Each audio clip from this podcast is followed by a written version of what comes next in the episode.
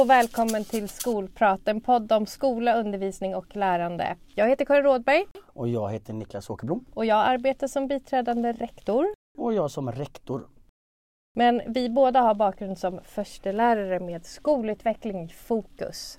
Ja, och dagens gäst är en person som kan beskrivas så här. Vår gäst har ett förflutet som förundersökningsledare och spanare inom polisen men de senaste åren jobbat med trygghets och säkerhetsfrågor inom skola, företag och olika samhällsaktörer. Vår gäst driver en av Sveriges största krimpoddar, Över min döda kropp, tillsammans med Anna Jinghede. Vid sidan av detta föreläser vår gäst om brott och straff och lag och rätt. Eh, på detta har vår gäst Anna Gingede precis släppt sin debutroman Någon måste dö som vi i Skolprat starkt rekommenderar. Dagens gäst syns i olika mediala sammanhang, bland annat kring PDV-attacker och det är med stort intresse och nyfikenhet vi nu hälsar Lena Ljungdahl varmt välkommen till Skolprat. Vad roligt att ha dig här Lena, hur mår du? Tack snälla för att jag fick komma till er podd och eh, jag mår som man gör på fredags eftermiddagar lätt eh, snurrig och känner mig lite tilltufsad av veckan, men jag mår bra. Känner du eh, igen dig i vår beskrivning av dig? Är det något som du vill addera? Eh, nej, det tror jag inte att jag vill. Det, var, det verkade vara så mycket ändå. Jag fick känslan av att hur fan hinner jag med? Men det gör jag uppenbarligen. Nej, det var bra det där. Men det där har jag funderat på. Hur känns det att, hur känns det att vara gäst i en podd och få så här, bli presenterad på det här sättet? Blir man lite tagen av sig själv? Så att säga. Ja, slightly hybris väcks ju såklart. Men, eh, eh, nej, men det, jag har gästat ganska mycket poddar nu och radio och sådär så att jag börjar bli eh, på ett konstigt sätt lite van. Men jag, jag reflekterar ofta när jag hör när någon sammanfattar det på det där sättet. Jag får ju eh, ibland höra att jag är rätt snabb och effektiv och nu ser jag att då har jag uppenbarligen hunnit med. Jag hinner uppenbarligen rätt mycket. Vi är glada över att du hinner med så mycket. För så här är det ju att du har ju ett förflutet som polis men du valde att lämna polisyrket för att engagera dig i säkerhetsfrågor i allmänhet och PDV-attacker i synnerhet. Vi kanske först måste förklara vad, vad, PDV står för innan du förklarar varför du valde att lämna polisyrket. Mm, PDV står för pågående dödligt våld och det är i grunden ett snutbegrepp men som har ynglat av sig i övriga delar av samhället för att det finns egentligen inget bättre begrepp. I USA heter det active shooter och det är inte heller så bra eftersom det innefattar ju mest eh, skjutvapen. Men det är situationer när en eller flera gärningspersoner kommer till en plats, ofta en allmän plats där det finns mycket folk i akt och mening att skada och döda så många som möjligt på så kort stund som möjligt fram tills dess att någon yttre omständighet, konfrontation, eh, uppstår och eh, den här gärningspersonen då avslutar sin attack. Det är väl den den gängse definitionen av en PDV-händelse. Och det innefattar ju både skolattacker men även terrordåd såsom Akilo på Drottninggatan och Breivik på Utöja och alla typer av dåd runt om i världen på gator och torg. Ja, det är bra, då, då har vi koll på vad, vad, det betyder helt enkelt. Men hur kommer det sig att du valde att lämna polisyrket och engagera dig mer i den här typen av säkerhetsfrågor? Ja, det hade jag inte alls eh, planer på att göra utan jag lämnade polisyrket av den anledningen att jag var utbildad specialist inom ett visst eh, område inom polisen. Eh, och i samband med omorganisationen 2015 så blev det så att det var omöjligt för mig att utföra mitt jobb, det jag var ämnad att göra. Eh, och då är jag en person som ruttnar. alltså det är svårt att göra generalister av specialister när man väl har specialiserat sig. Jag vill inte gå krabbgång i min egen utveckling. Eh, så då eh, när jag visste att jag kan inte göra det jag vill göra och det jag känner lust för och det jag är liksom lämpad för. Då blickade jag mig utåt för första gången från Polismyndigheten. Alltså polis är fortfarande världens roligaste jobb, framförallt spaning. Men, och då kom jag ut i eh, to the dark side, det vill säga utanför det statliga. Då, vid den tidpunkten, så var de här frågorna väldigt aktuella för journalister och mediehus. Mycket kopplat till Jyllandsposten och Charlie Hebdo-attackerna. Och jag hade precis innan jag lämnade polisen gått polisens PDV-utbildning, den som alla poliser som jobbar i yttre tjänst ska gå. Alltså hur polisen ska göra för att hantera de här attackerna och erbjuda den här konfrontationen till gärningspersonen. Och då, då tänkte jag så här, undrar vad människor gör på plats fram till polisen kommer. Därför att polisen är aldrig först på plats. En gärningsperson kommer inte välja en plats där polisen redan är. Så då tillverkade jag då runt 2015 en utbildning för andra människor. Hur de ska kunna förebygga, upptäcka och i värsta fall hantera den här typen av händelser. Oavsett om du är på semester och står i kön till Eiffeltornet eller jobbar inom en skola. Och efter Mediahusen kom skolorna i samlad tropp nästan och eh, ville ha den här eh, typen av eh, kunskap. Därför att personalen krävde det, sedermera krävde föräldrar det. Ledningen kom igång och nu har jag hållit på med det här sedan 2015 och nu 2022 så är det inte enskilda skolor utan det är hela koncerner, hela kommuner som tar tag i frågan därför att den tyvärr eh, aktualiseras gång efter annan. Men jag tänker, det, det, det, vi hör ju att det är en stor efterfrågan att många skolor vill ha den här eh, typen av utbildning. Men hur ser statistiken ut rent historiskt när det gäller PDV-attacker på skolor? Både i Sverige men också internationellt. Kan du, liksom, eftersom efterfrågan ökar, i alla fall här i Sverige. Det finns ju väldigt lite forskning på det här området eh, generellt och den som finns är ju till stor del amerikansk och man ska vara väldigt försiktig med att lägga amerikansk forskning eh, bara rakt av på svensk. Eh, och ibland hör jag eh, såna här olyckskorpar som säger att vi ska inte hålla på med det här inom skolväsendet för då har de tittat på en amerikansk utbildning och tror att det är det vi gör här.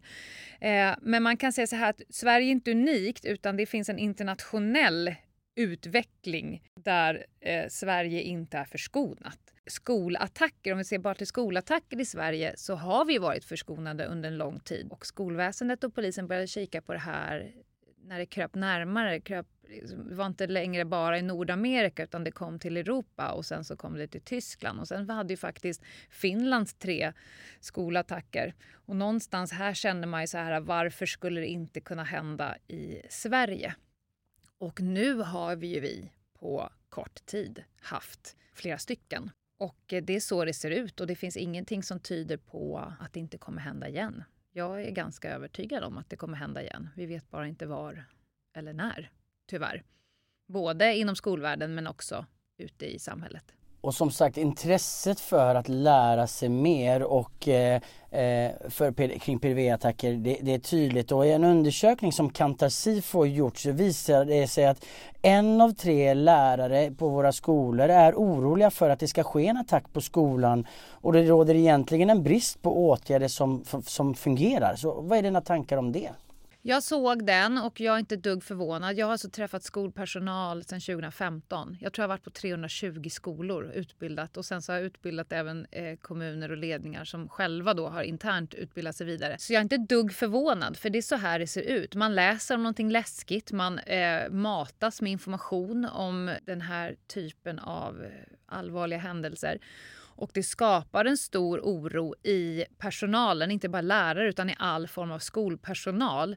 Där man tänker på eh, hur skulle jag reagera om det hände i mitt klassrum? V vad kommer hända med mig? Kan jag styra mina egna känslor och agerande eller kommer jag frysa till is? Och det skapar ju ett enormt stort svart eh, moln. Så att nu eh, vet jag att personal det är faktiskt människor som säger upp sig från sina skolverksamheter och enheter för att ledningen vägrar ta tag i frågan. Vi har föräldrar som frågar på öppet hus, rakt upp och ner. Är ni eller är ni inte utbildade i att förebygga, upptäcka och hantera dödligt våld? Så att eh, det finns. Det finns jättebra saker att göra. Men eh, Hittills tycker jag att det har varit lite bakvänt. Jag kommer till skolor som har gjort allting tvärtom. De har börjat med att köpa en svindyr dörr, eh, skaffa någon app och sagt nästan bombfilm på fönstren innan de har tagit reda på vad är PDV? Hur funkar ett händelseförlopp? Vad är rätt saker att göra? Vad är en överlevnadsstrategi? Vad ska vi säga till våra elever? Sen lär de sig det här och så säger de till mig, men vad fan vi har ju lagt alla ägg i fel korg och vi har köpt massa saker som inte kommer funka. Ja, det är riktigt säger jag. Och det är ju att man försöker hitta, och det jag har djup förståelse för det, man försöker hitta enkla lösningar på komplexa problem eh, och det funkar inte. Vi kommer komma, komma tillbaka till, till, eh, till vad du tycker hur skolor kan förbereda sig och, och så.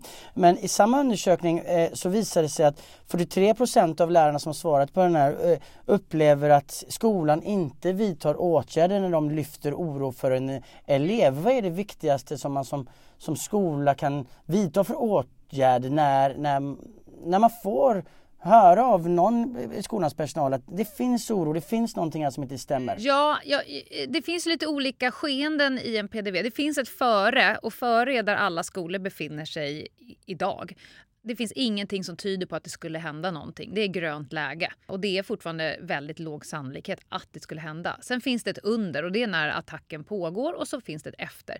Men det du pratar om nu, det är ju det här äh, vi har ändå fått någon form av indikation på att det kanske... Och det kan gå till på olika sätt. Det kan vara en kurator som får en klump i magen vid ett samtal med en elev. Det kan vara Säpo som ringer till rektorn och säger eh, en av era elever har vi har fastnat i våra göra eh, skanningar av nätet i olika forum eh, som uttalar sig våldsextremt. Det kan vara så att en elev går och delar ut handskrivna brev till sina klasskamrater på skolavslutningen där han säger att jag drömmer om att mörda er allihopa men jag har ingen kraft till det. Jag ska ägna sommaren åt att skaffa mig den kraften. Ha en glad sommar. Och från den punkten, oavsett hur man får den här eh, indikatorn, så bör man ju aktivt börja jobba. Det lätta svaret är arbeta efter handlingsplan. Det svåra är bara att det finns väldigt många skolor som inte har den på plats för att man vet inte vad man skulle skriva i den. Om jag skulle få lägga till en sak nu på ert CV av mig som ni drog i början. Jag är ju också rådgivare på CVE, Centrum mot våldsbejakande extremism. Och där finns det ett mobilt stödteam som kan hjälpa till i den här fasen. För man eh, är involverad i väldigt mycket delar av samhället kopplat till skolan. Jag får också ofta frågor, framförallt på skolor där jag själv har varit och utbildat. Vad gör vi nu? Och svaret är ju att börja jobba. Det sämsta man kan göra är att inte göra någonting och hoppas på att man kände fel. Eller att den här kuratorn tror att det är hens egna ansvar. Eller att man försöker skjuta över bollen till polisen och när man har gjort det så tänker man att nu är det de som äger frågan. Så i förefasen, det alla skolor borde göra redan nu, det är att kika på sina lokala samverkansplaner. Har vi ett, ett, ett gott samarbete med polisen? Vem är kommunpolisen? Har vi, känner varandra till namn? Eh, hur funkar det med socialtjänsten där vår skola ligger? Vad har vi på psykiatrin? Har vi goda relationer i skolan? Har vi liksom satt in på gruppkontot när det kommer till klimatet på skolan? Kan jag ringa hem? Och sådär. För när man väl får den här bajsmackan som det faktiskt är och det startar jättemånga känsloprocesser i, i människor så är det ju dumt att börja på noll utan då kommer man plocka frukterna av det man skördar när man försöker bygga upp den här lokala samverkansstrukturen. Och ganska ofta när rektorer ringer till mig och säger att de har en sån här grej så ställer jag en Kanske. Eller jag har lärt mig att det är en ganska provocerande fråga. Men jag ställer frågan rakt upp och ner. Vem har pratat med eleven? Och får oroväckande ofta svaret ingen. Man har försökt skjuta över till polisen, man blir förbannad på att de inte gör någonting. Man glömmer bort att polisen är en tämligen reaktiv organisation. Man har skrivit en halvdålig eh, sossanmälan. Eh, man tror att det är någon annan som äger problemet, sen gör ingen någonting och ingen pratar med eleven och den fortsätter radikalisera sig själv på skoltid. Och sen kanske, worst case scenario, utför den här eleven en skolattack och har ihjäl andra och sig själv. Du nämner att det sämsta man kan göra är ingenting och du nämner också vem har pratat med eleven. Eh, en vanlig uppfattning upplever jag när jag pratar med människor om det är så här, ja, men vi är rädda att provocera eleven till att utföra dådet. Eh, ska vi slå hål på den myten nu eller? Eller ska vi vänta? Nej men låt oss göra det på en gång. Jag skulle säga så här och efter att ha jobbat som polis i 15 år varav ett många år just mot ungdomar. Att tro att man gör det värre genom att visa omsorg, eh, lyfta på locket, det är ju bara ett sätt för sig själv att skapa incitament att inte behöva göra det svåra. Sen ska man ha respekt för det. Det är tufft att ta det här samtalet. Men jag tänker att någon på skolan bör ha mandat att ta snacket med elever. Det behöver inte vara den speciella mentor. Det behöver inte, någon har en ingång där man faktiskt ur ett omsorgsperspektiv, humant perspektiv, frågar. Hur är läget? Vi är oroliga för det här. Vad säger du om det? För att utifrån mitt liksom förundersökningsledarperspektiv så eleven själv sitter ju på den viktigaste informationen huruvida vad skolan, eh, socialtjänsten och polisen vill vidta för åtgärder. Och lyfter man inte på den stenen alls. Det är inte så att en person har planerat en skolattack och bara väntar på att en härlig lärare ska komma och fråga hur han mår innan han väl gör den. Det är ju jätteosannolikt. Det är som att man, det är väldigt många också som om vi tar en jämförelse med människor som tror att någon är suicidal och tänker ta livet av sig. Den kommer inte göra det för att du går fram till den personen och säger jag är orolig för dig. Det är, inte, det är inte det som är den utlösande faktorn. Omsorg är aldrig den utlösande faktorn. Nej, jättebra att du fick det sagt. Vi, vi har en ny programpunkt i Skolprat eh, och, och vi kallar den ibland för Niklas nitiska blick eller ibland Karins kritiska kommentarer. Det behöver absolut inte spegla vår åsikt eller vad vi tänker. Men, men, men man kan ju tänka så här utifrån ett skolperspektiv att vi har många elever som inte mår bra. Det är svårt att få till, du har pratat om den här samverkan, lokala samverkansplaner det är inte så jäkla lätt att få till det där. Alltså det finns många familjer som inte får tidigt stöd av socialtjänst, BUP eller BUM. Vi tänker ju så här vi i skolan att om vi bara fick mer resurser eller om bara en samverkan skulle kunna fungera på ett annat sätt. Men varför tänker vi så fortfarande? Varför tänker polisen att det är skolan? Varför tänker skolan att det är polisen? Alltså vad tusan, kan vi, kan vi samverka? Hur tusan ska vi göra det då? Jag skulle säga att det här är kanske en av de svåra grejerna och det här diskuterar vi aktivt på CVE. Just hur ser egentligen en välfungerande lokal samverkan ut? För jag blir involverad i kommuner när det glider så bra. När man nästan kan ta, säga den här eleven kanske som har skrivit handskrivna brev Alltså, om man tar det eh, exemplet, lägger det på bordet och runt bordet, man har ett runda bordsamtal där man rakt upp och ner frågar polisen, vad gör ni åt det här? Vad kan ni göra åt det här? Då kommer polisen kunna svara. Det här är inte skäl nog för att inleda en förundersökning. Vi kan eventuellt ha någon form av eh, uppsträckningssamtal. Eh, det beror lite på vem det är som sitter på beslutsstolen. Det är alltid personer man har att göra med. Personer och kommunikation, det är det svåraste. Socialtjänsten, vad gör ni? Det viktigaste är åtminstone att man vet vad alla gör. För att jag ser ganska ofta att det är en sån oklar eh, rollfördelning. Skolan tror att socialtjänsten gör någonting, vilket de kanske då inte gör. Skolan tror att polisen äger frågan. Polisen har egentligen bara kikat på ingångsuppgiften och konstaterat att i det här nuläget kan vi inte inleda någon förundersökning. Vi kan inte göra någonting med de verktyg vi har. Men alla tror att någon annan är i, i färd med att göra någonting. Sen finns det lite också, jag är lite allergisk mot den här någon annan-ism som är så gällande. Att man alltid tänker att det här måste vara någon annans problem. Jag tänker tvärtom oftast, vad kan jag göra åt det här? kanske låter sjukt, men jag brukar utgå från att alla andra är dumma i huvudet och lata.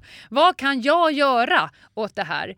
Inte vad kan ni göra för mig? Där jag ser att det glider i de kommunerna eh, där, det, där det faktiskt funkar. Det man gör är att man har löst kommunikationsvägarna, man känner varandra per namn, man kan diskutera de här frågorna. Då kan jag säga rakt upp och ner, det där kan jag inte svara på på grund av sekretess. Men jag kan säga att vi inte har inlett en förundersökning. Socialtjänsten kan säga vi har ett pågående ärende. Jag kan inte säga vad vi gör, men vi håller på med någonting. Så att man kan snacka med varandra över det här bordet. Man kan göra mycket mer än vad man tror. Faktiskt. Men det är rollfördelningen och begreppsförvirringen och okommunikationen och också oviljan. Det är väldigt många lärare som upplever att problemet egentligen är skolledningen. Och vi i skolledningen kring den här frågan i alla fall, jag, jag behöver lära mig så mycket mer. Det som saknas är ju kunskap också tänker jag. Mm. Och att skapa sig rutiner som alla känner till, som är implementerade, som genomsyrar verksamheten så att det inte spelar någon roll vem som hör det här från eleven. Det ska inte spela roll om det är bibliotekarien, kuratorn, en klasspolare alla ska veta liksom vad som händer sen och vad som är vår eh, rutin kring det här. För annars blir det för godtyckligt och sen så eh, får alla människor i Sverige läsa i, i kvällspressen att det föll mellan stolarna och det kostade människoliv och det vill vi ju inte. Och apropå den här kunskapen som vi alla vill ha så kommer den här eh, frågan som jag tror många av våra lyssnare då har väntat på. Om vi delar in den egentligen i fyra olika områden och du känner dig fri att dela in den i fler. Men hur, hur kan eller hur ska en skola agera utifrån Eh, före man har fått en indikation på att något kan ske? Hur kan man agera på när man har fått en indikation på att här är det en elev som inte mår bra och har extrema, extremistiska åsikter? Eh, hur kan man agera när gärningsman tar sig in eh, på skolan? och hur ska man agera efter det har hänt? Om vi delar in dem i de fyra, vad är dina bästa tips och råd? Men, och det var ju de fyra som jag nämnde tidigt. Det är ungefär så ett händelseförlopp ser ut. Före, då ska man tänka så här. Vad kan vi göra idag som gör att det här aldrig kommer kunna inträffa. Vad kan vi göra? Och då handlar det om att utbilda personalen, kika på sin byggnad, hur den ser ut, fundera på den lokala samverkansplanen. Eh, före ska man jobba inom skolan jättemycket med elevhälsa, psykosocial hälsa, likabehandling, motverka utanförskap. För att man ska också skaffa sig jättemycket kunskap. För det är inte förrän man har en kunskap om vad är riskfaktorerna för att en person ska utföra en skolattack. Det är inte förrän man har kunskapen om dem som man sen kan sätta in skyddsfaktorerna mot det. Mot elden, mot risken. Så att skaffa sig kunskap, fundera på vad kan vi göra idag för att motverka att det ska hända. Men också orka tänka tanken, vad kan vi göra idag för att eh, om det händer ändå, hur kan vi minimera konsekvenserna av en sån? vi, vi, kan aldrig garantera att inte någon vi känner får en hjärtinfarkt och då bör man ju redan innan det sker skaffa sig en utbildning om hur man eh, startar ett hjärta. Hur bra du än gör, hur mycket du än tränar och välmående så kan du ändå få en hjärtinfarkt. Det var bara en metafor. Så vad kan ni göra för att minimera konsekvenserna av det? Och då handlar det om att orka sia in i framtiden om skiten slår i fläkten. Det vill säga man orkar kika på den här under attackfasen. Vad hade vi behövt? Det är så jag startar alla mina föreläsningar. Vad skulle ni behöva veta för att kunna fly på ett adekvat sätt, barrikadera er, gömma er, eh, stoppa en blödning, i värsta fall hamna öga mot öga med gärningsperson. Vad behöver ni kunna för att gynnas av det? För du kommer inte komma på något nytt där borta. Det är det man ska göra före. Det Skolverket och MSB och polisen och alla andra aktörer är också väldigt överens om det är personalens mentala förberedelse. Det tjatar alla aktörer om. Det är väl det alla aktörer, det enda de är helt överens om. Att för att kunna göra det här så behöver personalen vara utbildad, övad, tränad, ha kunskap och ha mental förberedelse för att använda sin kunskap. Men jag tänker när vi, man har ju rutin på skolan att varje år så ska man göra en brandutrymning och öva ja. det. Och det, är det handlar ju om att förbereda sig om det skulle hända. Eh, och sådana rutiner behöver man ju göra kring det här också tänker jag. Ja och en del av den kunskapen då som jag lär ut när jag utbildar skolor i det här det är ju när man vet hur eh, Homo sapien-hjärnan fungerar under akut stresspåslag, vilket en PDV-attack är när man vet hur ens hjärna fungerar då är man också väldigt sugen på att i förväg innan attacken kommer stoppa in massa smarta saker i hjärnan. För vi alla har ju känt på hur dum i huvudet man kan bli om man blir lite hårt ansatt och så kommer man på de fiffiga svaren i efterhand. Och det kan jag inte ta på den här korta stunden men det är ju ett kunskapsblock som då MSB och Skolverket och, och polisen vet och det är där, därför de säger den mentala förberedelsen är A och O. Annars så kommer eh, du, bli, du kommer bli din sämsta version av dig själv och bli ganska styrd av autonoma saker i din kropp. Och många av de saker som händer eh, gynnar inte dig i en händelse av PDV-attack. Det gynnar dig om du blir jagad av en tiger eller ihjälslagen i en grotta med en träpåk. Men det är inte, våra hjärnor är liksom inte byggda för den tid vi lever i. Så man behöver bypassa det här konstiga evolutionära systemet som vi har fått. Så det är också före. Sen nästa fas, det var ju den här indikationsfasen. Då blir ju svaret, du ska jobba efter er handlingsplan som ni har satt upp, som du har byggt upp i förefasen. Men framförallt ta tag i frågan ordentligt. Våga vara obekväm, våga möta dina egna rädslor kring det här, våga Våga verkligen lyfta på frågan och inte ge dig. Vi pratar människoliv och då kan man inte bara hoppas på det bästa. Och ta hjälp. Ta hjälp. Det finns jättemånga som kan det här. Det finns skolor som har varit med om det här. Det finns såna där säkerhetsmuppar som jag som är experter på det här. Det finns CVE. Så det finns polisen. Ta hjälp om ni tycker det är svårt, men gör inte ingenting. Under fasen, där är ju egentligen allting för sent. Det är för sent att förbereda sig, det är för sent att fundera på vart den där dörren leder. Det är för sent att skapa en, en samverkansstruktur. Utan när en attack pågår, då är det bara överlevnadsstrategier som gäller. Du ska försöka ta, skapa ett så stort avstånd till faran så snabbt som möjligt. Du ska hålla dig själv vid liv. Du ska varna och hindra så många som möjligt. Och många frågar mig, vilket är rätt håll? Är det utrymning eller är det inrymning? Och eh, mitt svar är att det beror på. Det beror på vad faran är. Du ska fly ifrån faran. Det kan vara ut, det kan vara in, det kan vara upp, det kan vara ner. Det kan vara först in och sen ut. Så att, och, Tio personer i ett rum kan ta tio olika beslut, med fördel nästan. Det handlar om att sätta sig i säkerhet, att se till att gärningspersonen inte kan lokalisera dig, inte kan komma åt dig. Det handlar om att förbereda sig för nästa steg. Vad gör jag om han kommer? Det är oftast en han. Hur ska jag försvara mig själv? Hur gör man då? Hur ska jag kunna stoppa en blödning på min lärare som, som är skjuten i benet? Hur gör man med, med det? Och allt det här behöver man ju proppa in då i hjärnan, helst innan attacken påbörjar. Så att det handlar väldigt mycket om att förhindra gärningspersonens agerande, försvåra hans gärning och fördröja händelseförloppet så mycket du kan fram tills dess att konfrontation sker av polisen eller någon på platsen.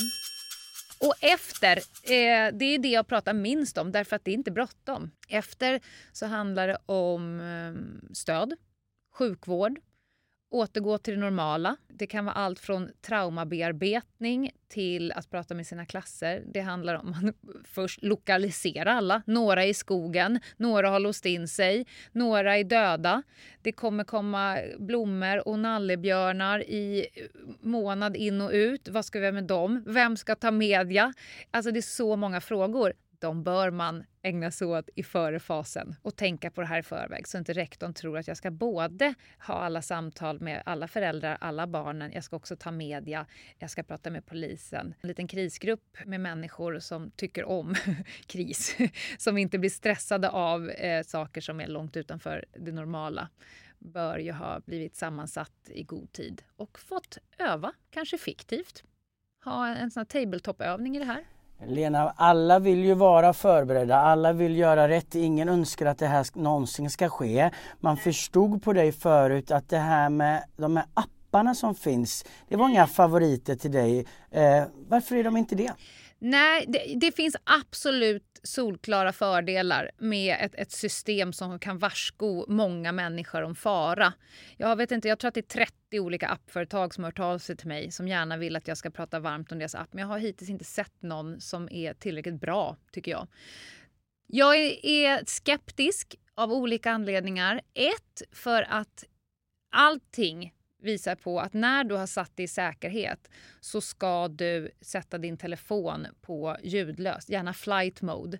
För att vi, jag som då ägnat för mycket tid av mitt liv åt att kolla på skarpa övervakningsfilmer från olika attacker. Det är alltså människor som skickas rakt in i döden. De blir lokaliserade och upptäckta av gärningspersonen på grund av att deras telefoner ligger och väsnas.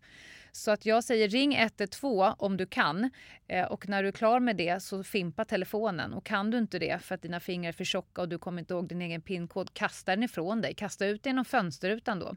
Så att, att förlita sig på att en teknisk pryl ska varsko dig om fara, det tror jag inte på för telefonen är ett besvär i situationer när du ligger och gömmer dig bakom en gardin för en gärningsperson som går och letar efter dig för att döda dig. Det andra är att det finns inget svar på vad du ska göra. Det finns, det finns företag som har satt upp eh, såna här uh, högtalarsystem. Det är bättre. Att de inte ljudet kommer från din kropp utan att ljudet kommer eh, från den lokala byggnaden. Och det finns arbetsplatser som har larm som säger arbetsplatsen är utsatt för angrepp. Ta dig till säkerhet.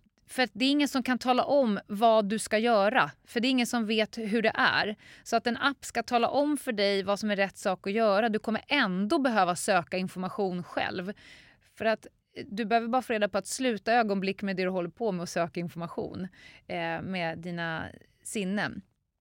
Dessutom så vet jag att vi är så beroende av våra mobiltelefoner. Det har ju nästan smugit sig in så här, run, hide, fight eller titta på din telefon kan vi ju se då. Folk stod ju och filmade Akilovs brinnande lastbil med rörbomb i. Om jag vet att jag har en app som ska säga till mig om jag ska sätta mig i säkerhet om jag då står i mitt klassrum och lär ut Pythagoras sats och sen hör mina sinnen, min amygdala, min egen livvakt, hör någonting. Då kommer du titta ner på din telefon och vänta på att din telefon bekräftar detta och säger till dig att du ska börja jobba. Och de där fyra, fem sekunderna, halvminuten som du inte, som du väntar på att det, din egen misstanke ska bekräftas, det kan vara skillnaden på liv och död.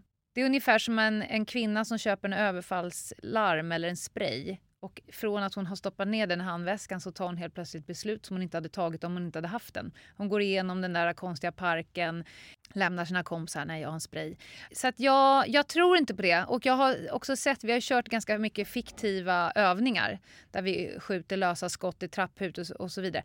Det skiter sig alltid med de här apparna. Dessutom så går faktiskt inte lärarna omkring och glor på sina telefoner under undervisningssituationer heller.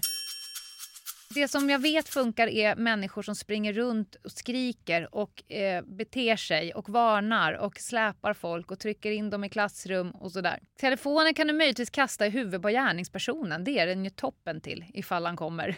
Men i övrigt kommer den inte hjälpa dig tror jag. Ja men det, det, är supertydligt och man måste också ge lite cred till alla mattelärarna runt om i, i Sverige för allas eh, go-to när det gäller vad man undervisar är Pythagoras sats. Jo, och det roliga är att jag har ingen jag kommer inte överhuvudtaget ihåg vad den är. Jag tror att man, det, att räkna ut någonting på något geogra eller geometriskt, det är ungefär det är dit men inte längre. Men jag ska också säga så här, jag ser också aktuella, eh, riktiga fördelar med ett, ett eh, varningssystem för att många skolor är också uppdelade i olika byggnader och då vill man ju såklart, så här, om vi upptäcker någonting i matsalen, hur ska vi kunna säga till gympahallen att för tusan. Så vissa skolor har ju så gamla trådburna högtalarsystem. Ta inte bort dem säger jag. Det finns skolor som monterar upp dem igen för flera miljoner nu. Så att ska man installera en app som ett medel för att minimera konsekvenserna av PDV, då ska det föregås av en ordentlig genomgång om vad den här appen kan och inte kan göra för det och vad den har för begränsningar innan man sätter den handen på någon. Tack. Alltså det, det, det, det är så konstigt för samtidigt som det, det vi pratar om är ju eh, så hemskt och samtidigt så är det trevligt att prata. Det, jag, jag, jag försöker liksom förstå de här känslorna som jag har. Det är så dubbelt. Ja, men jag fick det som feedback igår. Det var ett jätteallvarligt ämne men också serverat med lite humor. Jag tror faktiskt att jag hjälps av att ha hållit på med ond, bråd död under större delen av mitt yrkesliv. Man måste angripa det lite för vad det är. Alltså för det är så fruktansvärt. Så om man går ner sig ordentligt i det, då, då eh, min pedagogik och det jag kan se, det, folk sluter sig. Man orkar liksom inte eh, tänka på de här tankarna om man gör det alldeles för mörkt. Vi har, människor har sån enorm inlevelseförmåga så att man förstår allvaret i det ändå. Jag behöver inte trycka till. Jag, som i mina utbildningar visar inte en enda bild på någonting allvarligt. Men eh, för den, de bilderna har vi i oss så skarpa ändå. Ja, nej men det är sant. Lena, som avslutning på våra avsnitt så brukar vi alltid be vår gäst ge tre tips till lyssnarna utifrån då avsnittets tema. Så vad vill du tipsa om våra lyssnare som kanske sitter och, och tänker nu så här, kanske är en av de lärarna i den här undersökningen som Niklas pratat om och vi behöver liksom mm, nu kör vi. Va, vad vill du tipsa om? Alltså det, mitt första tips är att sätta ner individuellt först och sen kanske med din arbetsgrupp och fundera på vad behöver vi kunna? Så börja med kunskap. Det är också, ni är ändå en skolverksamhet. Vad är det egentligen vi behöver kunna så att vi inte börjar i fel ände? Mitt andra tips är ställ dig framför en spegel och så här, vem är jag? Hur funkar jag kopplat till de här frågorna? Hur är jag med stress? Vad behöver jag som individ? Vad kan jag göra? Vad kan jag bidra med? Vad är mitt ansvar i skolan? Väldigt mycket jag-perspektiv och inte så mycket men de då och du då. Och mitt sista tips blir väl faktiskt våran podd Över min döda kropp. Vi har gjort fem avsnitt om PDV. Så out there så finns det ändå fem timmars kunskapsgenomgång om PDV i olika former. På en, ett av avsnitten pratar vi om, väldigt mycket om gärningspersonen, ett annat avsnitt om just de överlevnadsstrategierna. Och det är ju, eh, som svar på första punkten, det är, det är ju en kunskapshöjning. Har man inte kunskap då kanske man är för rädd i onödan. Man kanske är för naiv i onödan. Man kanske inskränker sin egen rörelsefrihet i onödan. Eh, och så. Kunskap ger ändå ett mer reellt och adekvat beslutsunderlag för vad som är nästa steg. Och sen så går du till din skolledning med dina förslag. Ja men perfekt. Jag tänker att vi kan lägga länkar både till, till poddavsnitten om PDV och jag tänker vi kan lägga länk till CVE också om det finns något viktigt och kanske någon skolverkslänk också. Jag ska, vi, får, vi skramlar ihop lite bra länkar så våra lyssnare kan förkovra sig och lära sig ännu mer. Får jag säga en sak till? Var inte oroliga för att göra era elever rädda. Jag skulle hävda att i alla fall på högstadie och gymnasienivå så kan era elever mycket mer om skolattacker än vad ni gör. De har sett skarpa filmer från allt från Columbine, de har varit inne och eh, researchat själva på gärningspersonerna på skolattackerna i Sverige. Jag hör ibland att vi ska inte lyfta på det här locket för att det, vi traumatiserar barn. Jag skulle hävda att det är trams. Däremot ska man göra det, man ska ta centrala beslut, man ska bestämma sig för sitt budskap och sen ska man göra det nyanserat och inskänka lite lugn och trygghet i systemet istället. Jättebra och vi eh, från Skolprat här, vi kommer också kuppa in ett tips här för vanligtvis kommer inte vi med tips men, men eh, utöver din egen podd Över min döda kropp så vill vi återigen trycka på att eh, våra lyssnare även ska läsa Någon måste dö som är då din debutroman här. Den är fantastisk. Så eh, Lena Ljungdahl, stort tack för din medverkan i Skolprat. Tack snälla för att jag fick komma.